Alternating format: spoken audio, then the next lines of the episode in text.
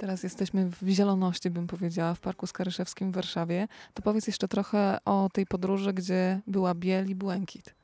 No Spitsbergen, wiesz, słuchaj, to Arktyka to są takie, wiesz, e, to jest takie miejsce dla mnie, do którego wracam. Znaczy, są dwa miejsca, do których wracam na świecie. To jest Puszcza Białowieska i, i Arktyka. W inne miejsca wyjeżdżam. Wyjeżdżam do Warszawy, do Nowego Jorku, do Brukseli. To są miejsca, do których wracam. To jest, to jest część mnie, wiesz, to jest nie wiem jak to opisać, bo ta biel jest, ta biel jest różnoraka. Ta biel jest różnoraka, jest błękit, jest bardzo dużo kolorów w Arktyce.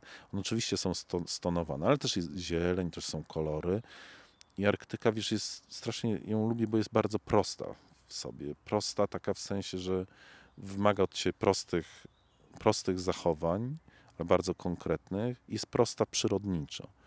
Tam jest, wiesz, bardzo mało gatunków, ale w bardzo dużych ilościach i i przez to jest bardzo delikatna i widać w niej te, te wszystkie zmiany, które my ludzie robimy. To jest, to jest smutne, to jest przygnębiające bardzo, że wiesz, że tego lodu ubywa, który jest jakby oddzielną planetą, oddzielnym, dziwnym kontynentem. Wiesz, jak się patrzy na Arktykę, jak patrzysz na mapę, to oczywiście widzisz morze, woda i tak dalej, ale, ale, tak naprawdę to jest bardzo gruby lód i ten lód się czasami spiętrza, czasami pływają po nim góry lodowe i najbardziej to, co lubię, to chodzić po nim na nartach. To uwielbiam. Po prostu chodzę sobie na nartach i myślę sobie, że chodzę po takiej planecie, której nikt przede mną nie widział i nikt po mnie nie zobaczy, bo to się zaraz zmieni, bo ten lód się, nie wiem, przepłynie, e, spiętrzy albo wypłaszczy, albo pęknie coś, albo przepłynie jakaś góra lodowa, więc chodzisz po czymś takim, co jest tylko, tylko twoje.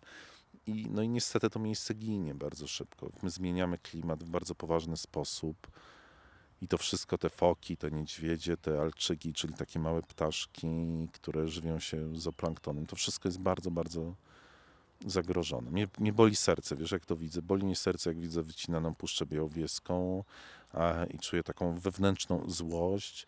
I bolało mnie serce, jak zobaczyłem, że w fiordzie którym byłem 20 lat temu, jest w tej chwili może jedna dziesiąta tego lodu, co było wtedy. To ogromne zmiany. Słuchaj, ja teraz czytam książkę Ekspedycja. Yy, dziewczyna wzięła się za śledztwo które zaczyna się tak naprawdę w 1897 roku. Trzech facetów y, balonem na wodór, możesz sobie wyobrazić y, bieg XIX, chce dotrzeć na Wyspę Białą. I tam też opisuje ten moment, kiedy lądują na lodzie i tak naprawdę czekają na jakiekolwiek warunki pogodowe, które im pozwolą dotrzeć y, na ląd, ponieważ to nie jest udana wyprawa. No i opisują też w dzienniku pokładowym dźwięki jakie dźwięki są słyszalne w takiej krainie lodu, gdzie te lodowce się faktycznie przesuwają, gdzie najpierw jest pomruk, potem coś, co, co, co przypomina jakieś ogromne uderzenie. Jak ty to zapamiętałeś, zarejestrowałeś? Wiesz, to jest bardzo różnie, bo wiesz, są oczywiście takie dźwięki jak huk, jak wiesz, jak... jak, jak takie obcieranie się tych kier, jak skrzypienie lodu i tak dalej, ale na przykład takim cudownym dźwiękiem, pamiętam z Wojtkiem Moskalem, co szliśmy po lodzie i tuż obok nas biełuchy, takie białe wieloryby zaczęły przebijać głowami lód.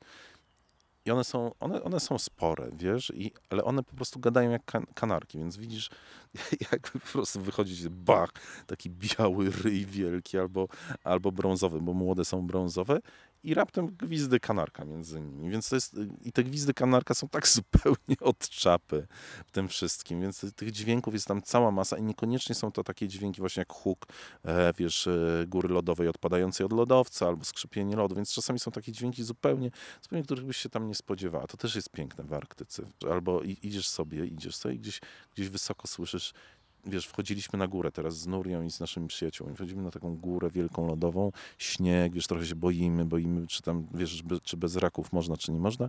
I raptem w górze słyszę takie trrr, trrr, trrr, i wiem, że przyleciały, wiem, że przyleciały alczyki. Jestem po prostu i szukam ich wzorem. To są takie małe ptaszki, wyglądające, powiem tak w uproszczeniu, jak mały latający pingwinek.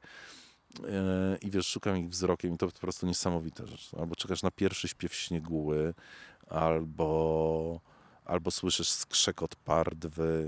No nie, nie, naprawdę Arktyka ma masę, masę fajnych, fajnych dźwięków. Zresztą powiem Ci, że takim moim ukochanym miejscem w Arktyce jest e, taka chatka traperska pod górą Wrzasków w fiordzie Hornsun. W fiordzie Hornsun też jest polska baza i góra wrzasku bierze się stąd, że jak wychodzisz z tej chatki, to po prostu słyszysz permanentny wrzask tysięcy, tysięcy ptaków, nużyków, mew trójpalczastych, i to wszystko jest jak, jak takie wielkie osiedle po prostu na ścianie skalnej, po prostu tuż za tobą. No po prostu genialne.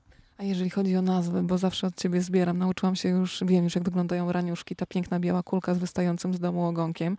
Ostatnio Staszek Łubieński powiedział mi o Zyzusiu Tłuściochu. Lśniśna wapnik to jest mój ulubiony owad, y, zresztą z pięknym odwłokiem, faktycznie błyszczącym. Jest coś jeszcze takiego do kolekcji z wyrazów niepotrzebnych, ale jednak sprawiających dużo radości? Co muszę sprawdzić, bo ostatnio, ostatnio przez moją dysleksję strasznie słabo pamiętam nazwy, ale ostatnio, os, ostatnio pam- pamiętałem jakąś nazwę. Ach, tak, jest, pojawił, się, pojawił się nowy at, atlas z nazwami e, ssaków, e, ssaków świata. I tam jest taki nietoperz, nietoperz, nie pamiętam, chyba z Ameryki Południowej, który się nazywa Duszek Wilgotny.